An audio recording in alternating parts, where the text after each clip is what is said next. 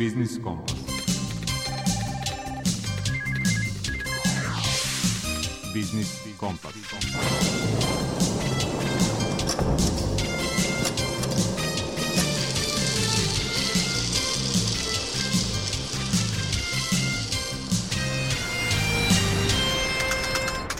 Dobar dan, ja sam Eva Tomović i bit ću sa vama u današnjem Biznis Kompasu.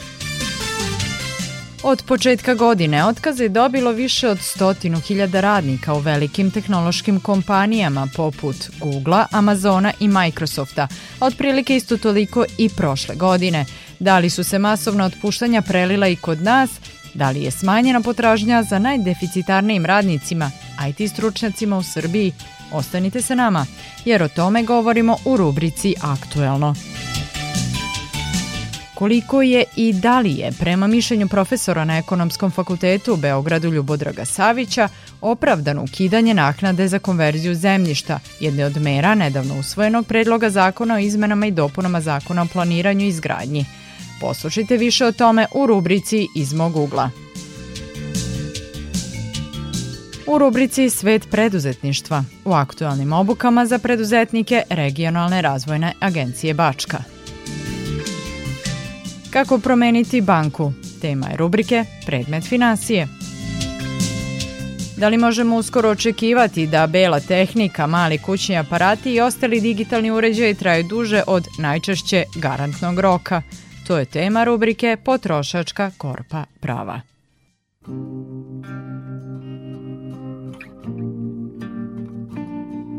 I've made up my mind Don't need to think it over. If I'm wrong, I am right. Don't need to look no further. This ain't last. I know this is life. But if I tell the world, I'll never say enough, cause it was not said that's exactly what I need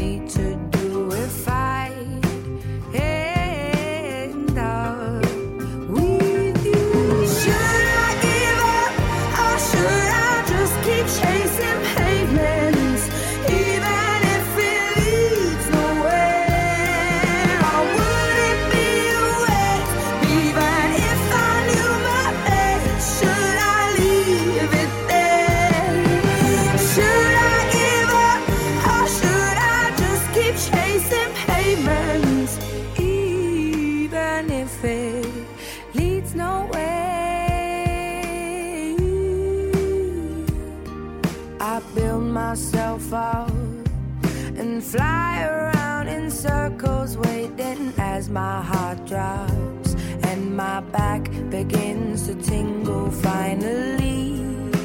Could this be it? Oh, should I give up or should I just keep chasing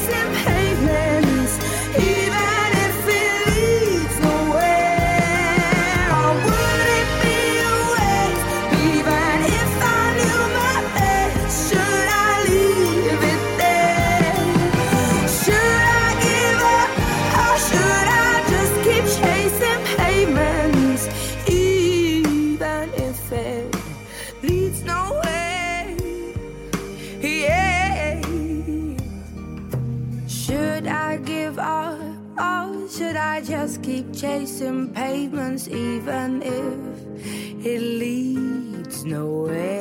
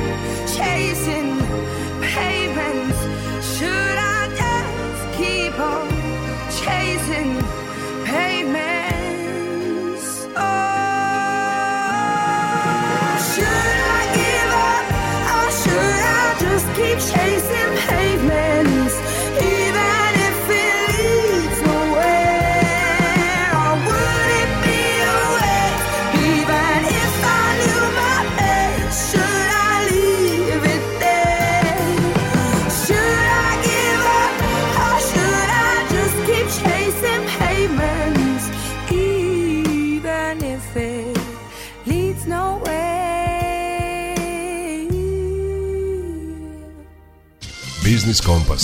Aktualno.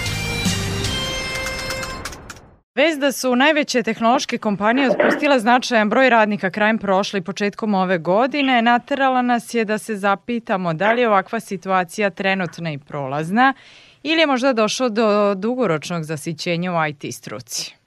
Ne bih ja rekao da je to dugoročno zasićenje, međutim činjenica jeste da su neke kompanije otpuštale masovno, Ono što je dobro jeste da u Srbiji nije bilo masovnih otpuštanja, ali podatak da je recimo samo u prva tri meseca 2023. godine bilo više otpuštanja na globalnom nivou nego cele prošle godine nas je svakako zabrinuo jer postoji mogućnost da se makar deo te krize prelije kod nas. Ono što mi svakako primećujemo kao vodeći sajt za zapošljavanje IT kandidata Hello World jeste da smo primetili da je značajno manje broja oglasa nego što je bilo inače pa prošle godine i da, da je ta brojka recimo u prvom a, tromesečju ove godine u odnosu na isto tromesečje prošle godine čak 50% manje o, oglasa. Ali to ne treba previše da nas brine zato što je to više opreznost poslodavaca pri zapošljavanju novih novih kandidata, novih stručnjaka, tako da eto možemo generalno opisati e, tu neku promenu kao jedan, jedan vid uh, opreznosti. A može li se reći da uh, su razlozi za manje oglasa za IT pozicije eventualno zatvaranje IT firmi? Da li imate takve podatke možda?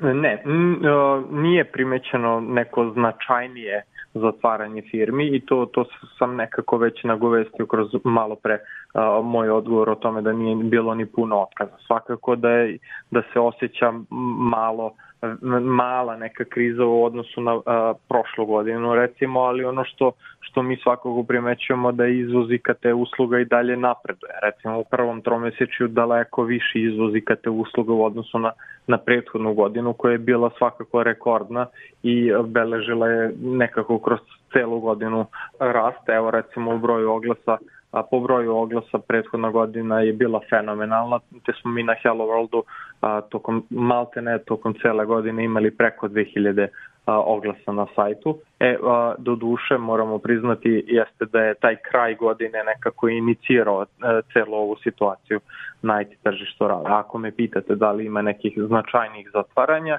IT firmi, e, ja bih rekao ne. Koje su pozicije manje tražene? I s druge strane, koje su najtraženije pozicije u ovom sektoru? Da. Što se tiče najtraženijih pozicija u IT-u, svakako su to software developeri, ujedno je to i najplaćenija pozicija u IT sektoru, tako da mi primećujemo jedan, jednu konstantnu tražnju software developera. Ono što je činjenica jeste da smo do skoro mogli da pričamo da su JavaScript developeri među najtraženijima, ali su oni nekako ove godine sada se sa liste spustili na recimo peto, šesto mesto, pa je to nekako specifično. Ono što primećujemo a, jeste da su management pozicije bile prošle godine i tekako tražene, a da početkom ove godine nekako su poslodavci manje pokazivali nameru da im je potreban takav kadar. I ono što svakako primećujemo, a poprilično je onako zanimljiva stvar, jeste da poslodavci traže više juniora u odnosu na prethodnu godinu, a da je potražnja za seniori stručnjacima nekako opala, a i dalje mo, slobodno možemo da kažemo da su najtraženiji stručnjaci u IT oblasti medior ranga, odnosno to su stručnjaci od 3 do 5 godine relevantnog iskustva u IT industriji. A da li je došlo i do oscilacije u primanjima IT stručnjaka za koje znamo da su poprilične? Mhm. Što se tiče primanja u IT industriji, posljednje istraživanje koje smo radili, radili bio je Puls Srpske IT zajednice koje smo radili tokom prošle godine, tako da je to istraživanje izašlo u avgustu mesecu i to istraživanje nam je pokazalo da je prosečna plata u IT industriji 1600 evra. Ono što, što sada možemo da pratimo jeste da su plate ostale u tom nekom nivou. Tako da ne možemo da tvrdimo 100% zvanične plate trenutno, zato što još istraživanje nije završeno, ali avgusta ćemo već moći da izađemo sa nekim konkretnim brojkama, a svakako očekujemo da plate nisu stagnirale. E, šta mogu do kraja ove godine da očekuju oni koji traže zaposlenje u IT struci? Koji su vaši mhm. saveti? A deluje mi da, da će se tržište oporaviti. Nekako je neminovno da, da mi moramo da, da budemo svesni krize, da donosimo racionalne odluke, ali isto tako moramo da, da brinemo o našem kontinuiranom rastu. Tako da mislim da i kompanije treba da, da nekako malo sebe oslobode prilikom i zapošljavanja i prilikom privlačenja novih nekih investicija i tako dalje, ali svakako očekujemo da će početkom ovog drugog kvartala nekako makar za nijansu biti olakšano na tržištu rada i da će se tržište polako, ali sigurno oporavljati i da ćemo recimo krajem godine opet pričati o rekordima u IT industriji u Srbiji. To je optimistična poruka. Hvala vam na razgovoru. Bio je to saradnik za odnose sa javnošću na sajtu Hello World, Marko Vučetić. old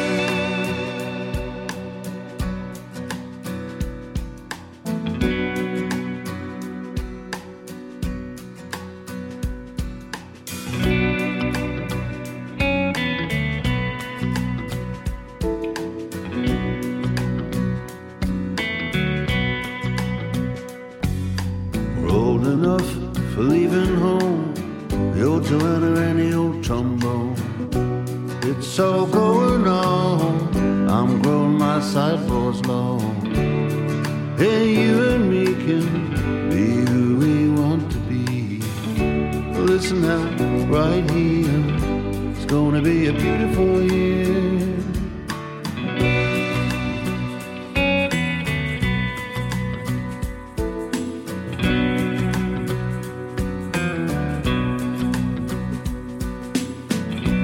calling it a teenage scene, and I have a dream. Don't know if I'll be a star, but I'm gonna play guitar. I've seen this rocking cat,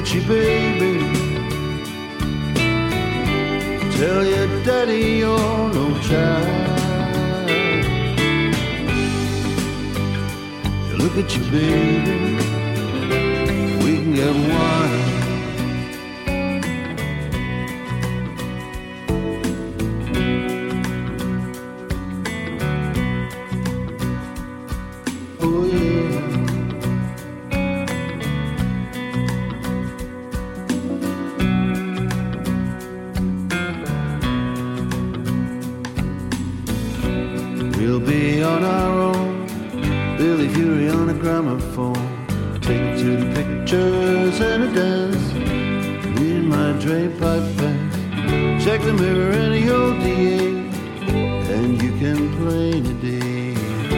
Listen now, right here, it's gonna be a beautiful year.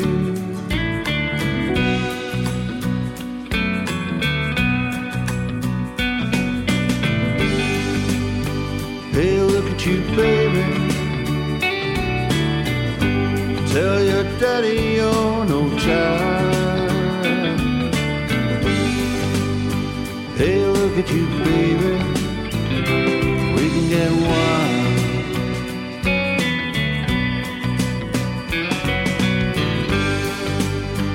Hey, look at you, baby. Tell your daddy you're no child.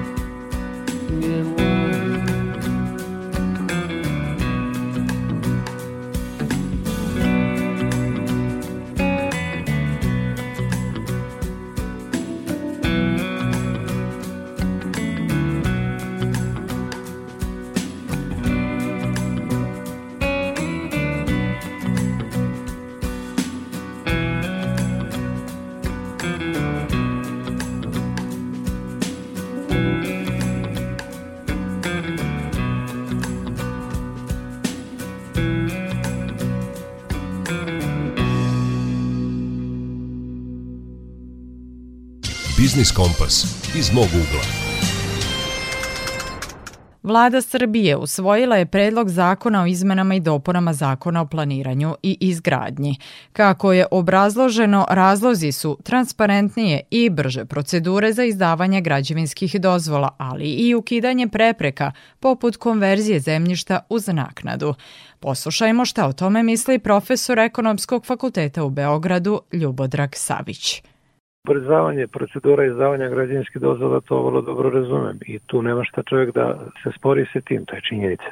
Zato što postoje decenijama neke lokacije koje su zarasle u trnje i kiselo drvo i na kojima ne može da se priđe i potpuno je jasno da kad nekome daš mogućnost da gradi da će vrlo brzo iz tog trnja izniknuti da kažemo neki objekat koji on bude želeo da radi. I tome nema spora. Pri čemu naravno ja generalno imam problem sa tim. Pa, mogla bi vlada i država Srbije, odnosno vlada Srbije, mogla bi tim koji uzmu te lokacije da im da, na primjer, gođe i ne znam ja cement i raz, razni drugi građevinski materijal u pola cene, koliko bi to tek ubrzalo gradnju u Srbiji? To je sve moguće. Sa druge strane, davanje zemljišta, odnosno konverzija zemljišta bez nadoknade je nešto što je u ovom trenutku katastrofa, rekao bih, i za srpsku ekonomiju, ali u širem smislu sve one ljude koji su generacijama i generacijama radili u nekim preduzećima, napravili ta preduzeća, unapređivali te lokacije na kojima su bila neka preduzeća i u procesu privatizacije ostali bez igde i čega. Znam mnogo ljudi koji su mi se lično obraćali za pomoć, da im nekako pomognemo, a to pomoći nema, jer im nije e, spojen staž, jer im nisu upisivani doprinosi tih nekih bivših preduzeća, jer nisu dobili akcije u tim preduzećima, ona su u procesu privatizacije prodata bud zašto? Sa vrlo jasnom zakonskom odredbom. Neko ko kupuje preduzeće, kupuje preduzeće da bi mogo da nastavi tu delatnost i može da koristi svu pripadajuću imovinu. Dakle, on kupuje kapital, a ne imovinu preduzeća odnosno e, on kupuje osnovna sredstva i obrtna sredstva preduzeća, ali ne i zemljište na kome se nalazi to preduzeće, a zakonsko rešenje je bilo da dok postoji fabrika, to zemljište e, može da se koristi kao što se koristilo i ranije. Onog trenutka kad prestane da postoji fabrika, znači više čovjek ne radi tu delatnost e, za koju je platio dao neki novac, ili se ne bavi tom delatnošću, tog trenutka on može da promeni namjenu zemljišta u saglasnost državnog organa, ali tu promenu zemljišta, s obzirom da nije platio zemljište, nego samo platio svojinu na zemljište, nego samo platio pravo korišćenja, on mora da plati, to se zove konverzija uz nadoknad.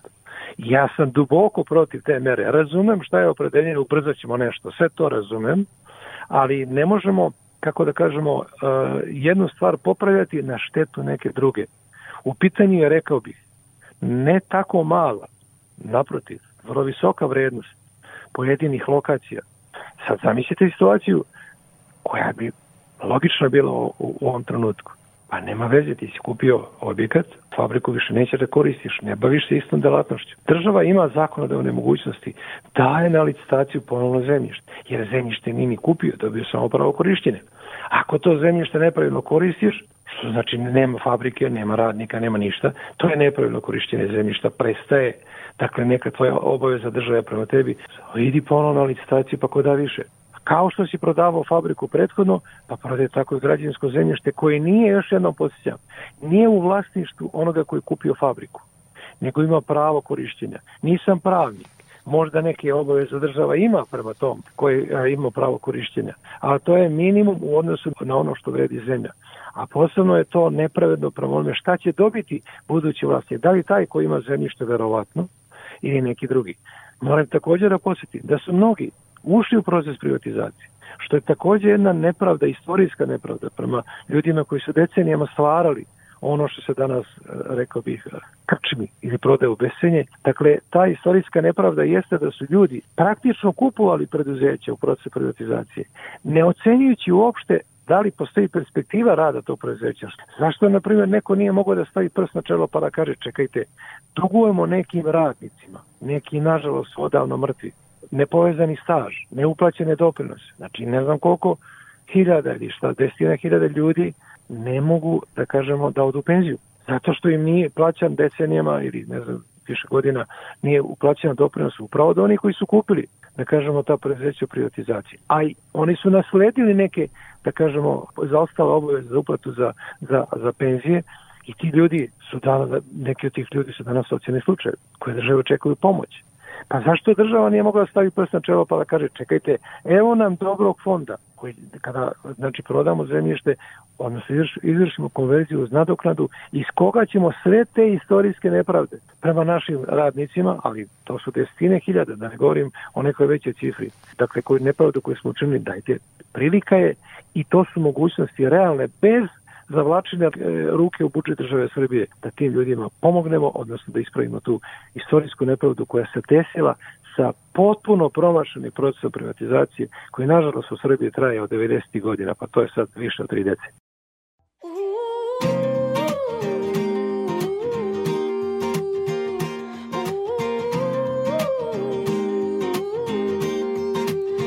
She was walking in the street, looked up and noticed he was nameless, he was homeless. She asked him his name and told him what hers was. He gave her a story about life with a glint in his eye and a corner of a smile. One conversation, a simple moment, the things that change us if we notice when we look up sometimes. They said I would never make it, but I was built to break the mold.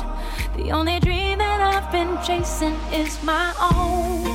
So I sing a song for the hustlers trading at the bus stop. Single mothers waiting on a check to come. Young teachers, student doctors, sons on the front line knowing they don't get to run. This goes up to the underdog. Keep on keeping at what you love, and you'll find that someday, soon enough, you will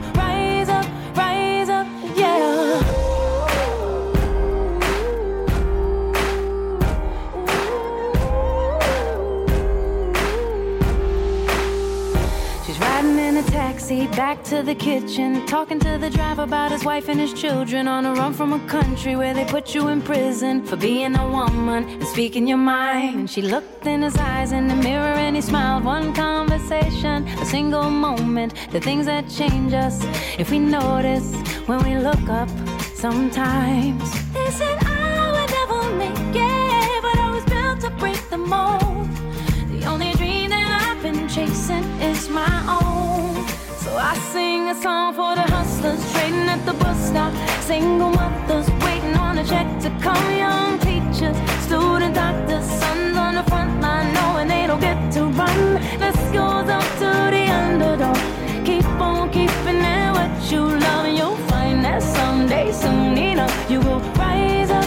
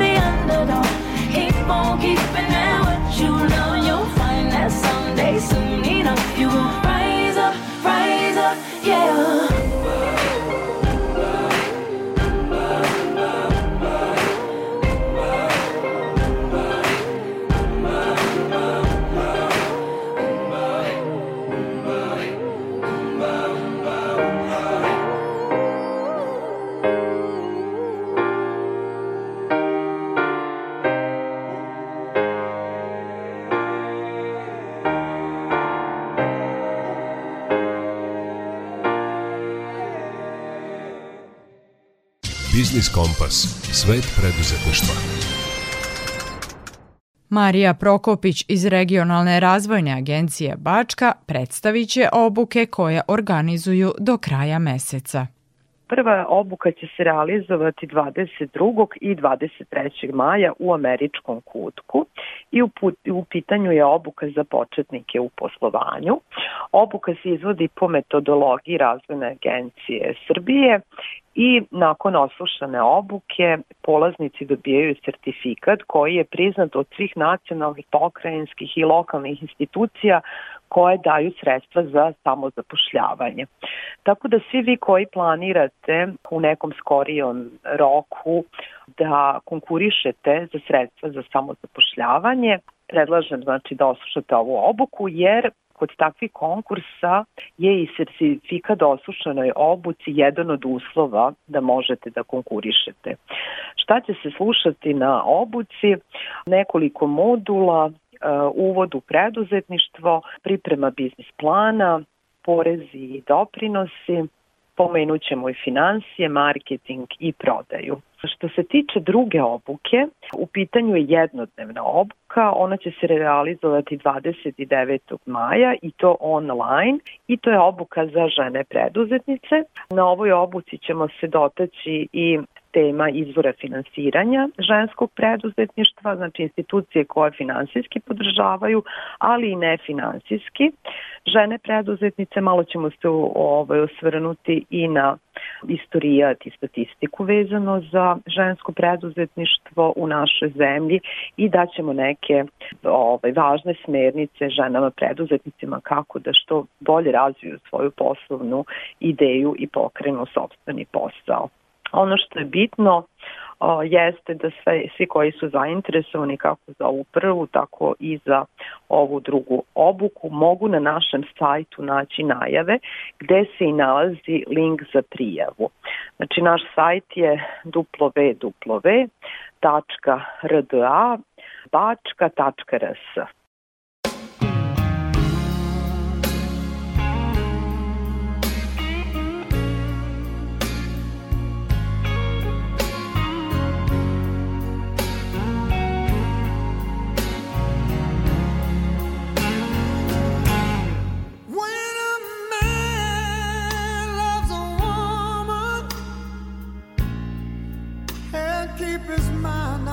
nothing else. He trade the world for the good things found. If she is bad, he can't see it. She can do no wrong. Turn his back on his best friend. He puts her down.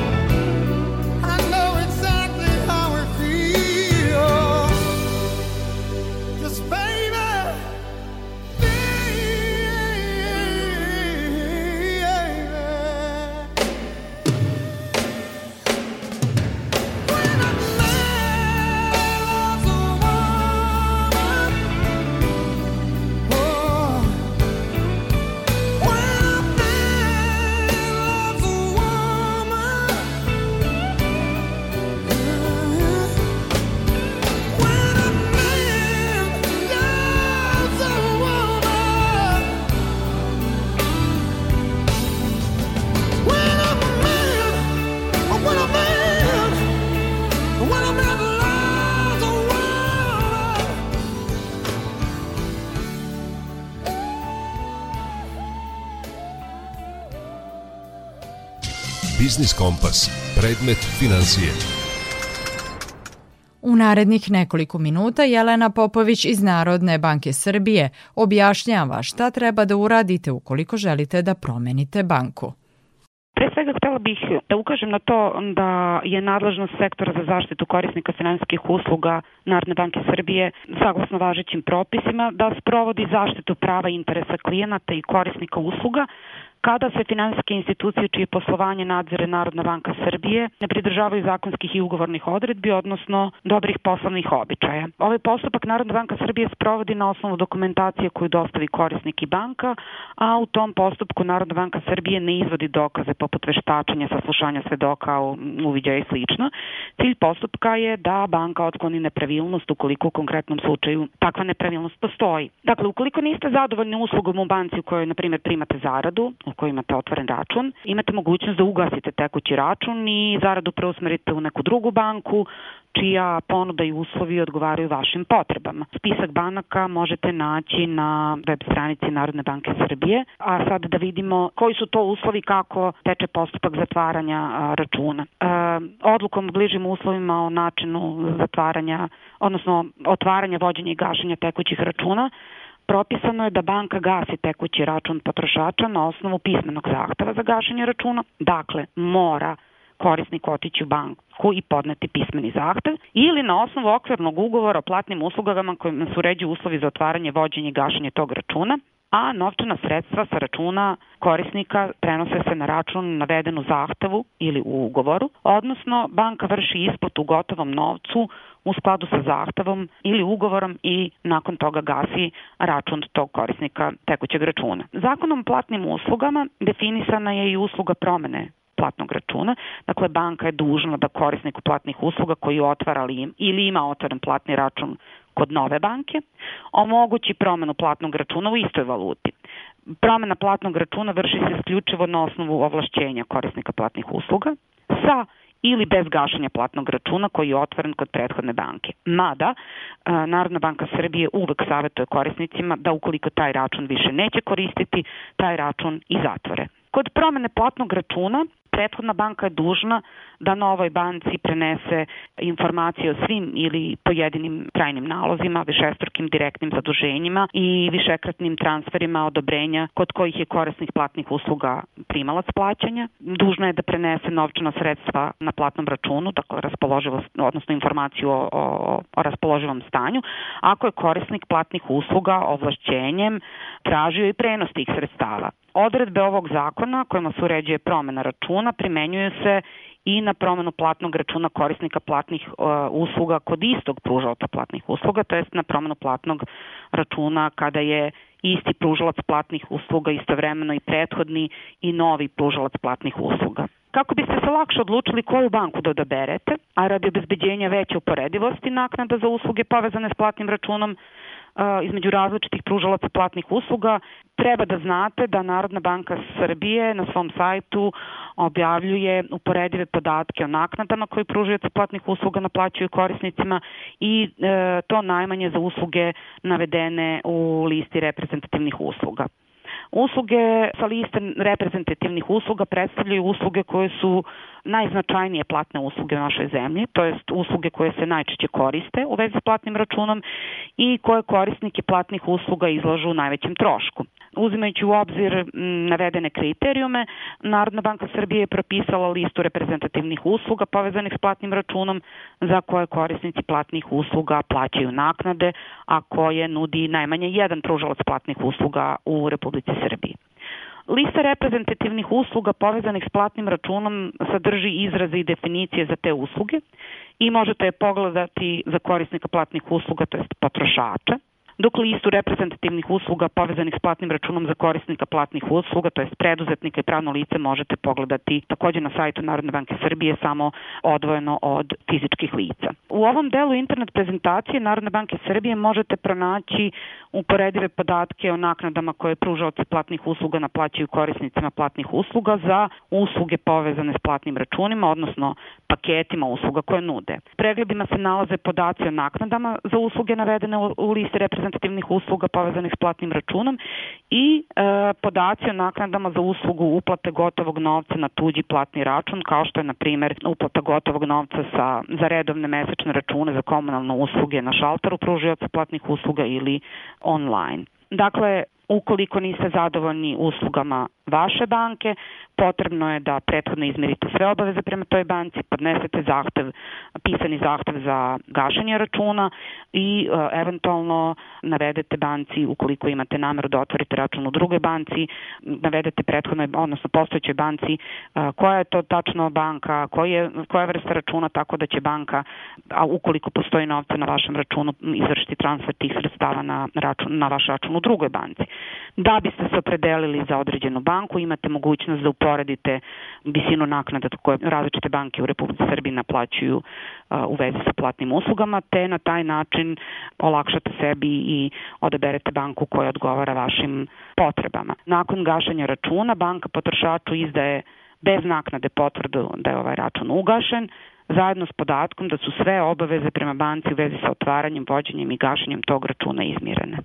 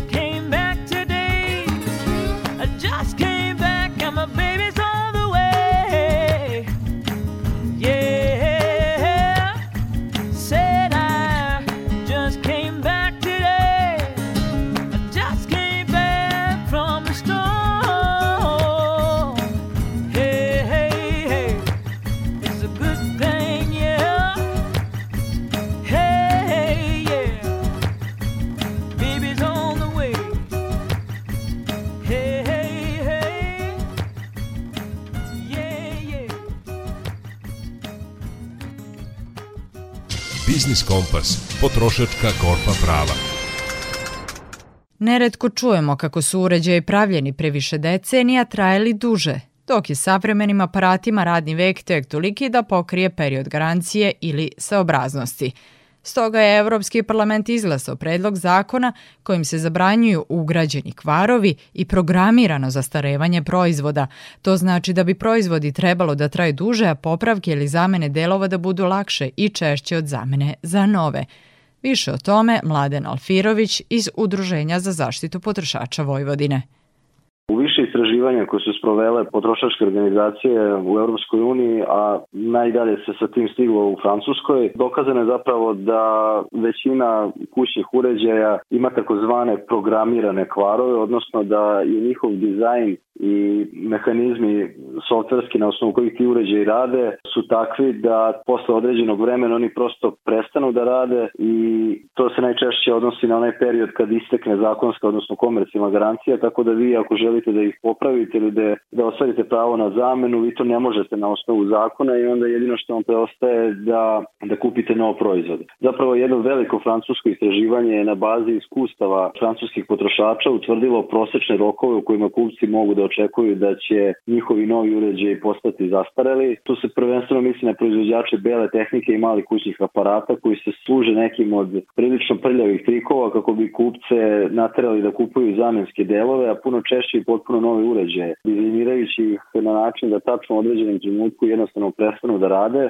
iako bi bez te mane ti uređaji bez problema mogli da izdrže još dugi niz godina. Većini potrošača tako je badava sav trud koji uloži u održavanje aparata, jer istraživanje je pokazalo i dokazalo da većina njih u sebi ima takozvanu ugrađenu planiranu zastarelost, odnosno predodređeni su da nakon određenog ciklusa sati rada jednostavno otkažu poslušnost, a neretko se to događa vrlo brzo nakon isteka komercijalne garancije koja najčešće iznosi 5 odnosno 10 godina i onda potrošači kao što sam rekao nemaju više pravo na zamenu ili besplatnu popravku tog aparata jedino što mogu jeste da, da kupe nov aparat. Ovo istraživanje na bazi iskustava francuskih potrošača utvrdilo prosečne rokove u kojima kupci mogu da očekuju da će se njihovi uređaji pokvariti, a za neke od njih uh, poprilično je šokantno koliko im kratko iznosi vek trajanja. Prosečno ni dve godine nakon kojih jednostavno prestaju da rade ili zahtevaju veoma skupu popravku koja se većini ne isplati pa jednostavno a, nabave nov uređaj. To istraživanje je pokazalo da recimo mašina za veš može da traje najduže do 10 godina, televizor od 9 do 10, mašina za sudove 9 do 13, plinska pećnica 14, frižider 13, a mobilni telefon čak kraće od 20 meseci, dok mikrotalasna pećnica može potrajati do 9 godina. Prosječan potrošač može očekivati da će se u tom nekom periodu javiti ti takozvani programirani kvarovi i s obzirom na ovo veliko istraživanje, brojne druge potrošačke organizacije na nivou Europske unije su se uključile u akciju kako bi se izglasila direktiva o eko proizvodima koja zapravo zabranjuje ove programirane kvarove i ta direktiva je stupila na snagu, tako da očekujemo da će u nekom predstojećem periodu životni vek bele tehnike i malih kućnih aparata biti znatno duži. Takođe u nekim drugim istraživanjima koje su sprovedena dokazalo se da zapravo više od 70% elektronskih uređaja koje se nalaze na deponijama se mogu popraviti i njihov životni vek može se znatno produžiti. Ova direktiva, pored toga što zabranjuje ugrađivanje takozvanih e, programiranih kvarova, ona obezbeđuje, zapravo obavezuje proizvođače bele tehnike da e, obezbede rezervne delove kako bi se mogli izvršiti popravka najmanje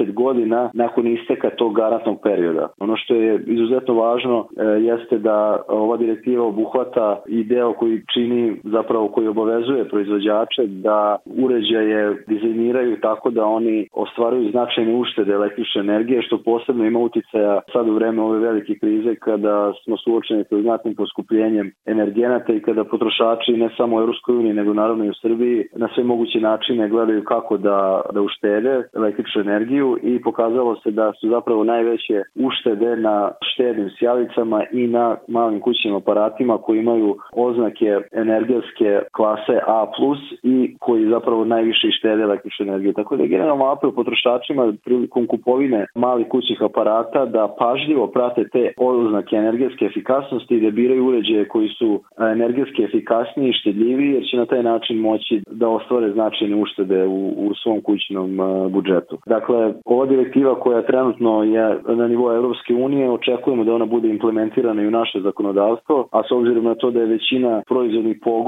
za male kućne aparate i generalno elektronske uređaje u državama Evropske unije, verujemo da će se ovo nekako preslikati na našu državu i da ćemo mi u nekom predstojećem periodu, odnosno naši uvoznici i distributeri uvoziti proizvode čiji će životni vek biti znatno duži, što će naravno pozitivno uticati i na same potrošače u Srbiji.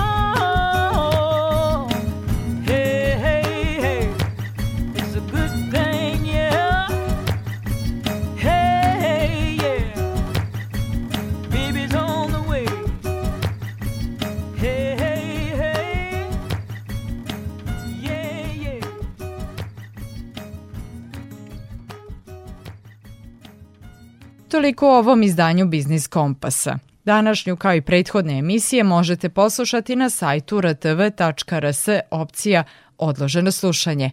U realizaciji emisije učestvovali su muzički urednik Zoran Gajinov, ton majstor Marica Jung, lektorka Darka Velemir. Emisiju pripremila, uređivala i vodila Eva Tomović. Slušajte nas i narednog utorka. Do tada pozdravlja vas ekipa Biznis Kompasa.